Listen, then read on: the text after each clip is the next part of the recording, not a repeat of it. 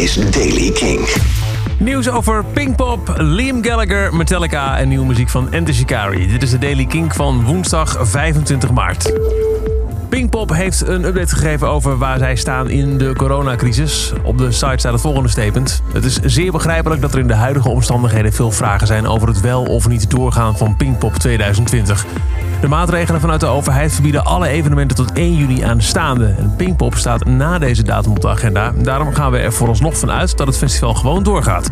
Aangezien de situatie dagelijks verandert, zullen we zeker tot half mei geen andere beslissing nemen, tenzij we al eerder worden ingehaald door een nieuwe realiteit. We vragen om jullie begrip voor onze situatie en laten we ons met z'n allen hier doorheen slaan. Liam Gallagher eist een reunie van Oasis. Right, sick of pleading, begging, etc. No more olive branches. I demand an Oasis reunion after this is all over. All money going to NHS. Oftewel, het moet gewoon gebeuren. Als de hele crisis voorbij is, moet Oasis samenkomen. En het geld is dan voor de gezondheidszorg. Metallica heeft voor alle thuisblijvers iets nieuws bedacht. Metallica Mondays. Klaar met het binge-watchen op Netflix? Elke maandag laat de band op hun Facebook en YouTube een integraal optreden uit het verleden zien. En Enter Shikari hebben een nieuwe track uitgebracht van hun binnenkort te verschijnen album Nothing is True and Everything is Possible. En zeker voor Kink een leuke titel. Tina. En het staat voor There is no alternative. De nieuwe Enter Shikari.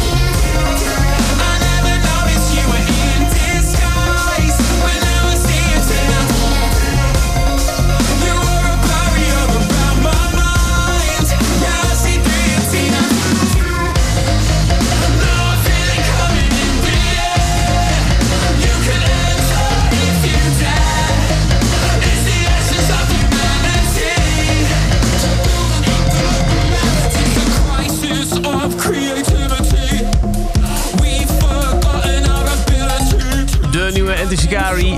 Tina, there is no alternative. Tot zover de Daily Kink. Elke dag een paar minuten bij met het laatste muzieknieuws en nieuwe releases. Je de Daily Kink elke dag op kink.nl, in de Kink-app of waar je ook maar naar de podcast luistert. Elke dag het laatste muzieknieuws en de belangrijkste releases in de Daily Kink. Check hem op kink.nl of vraag om Daily Kink aan je smart speaker.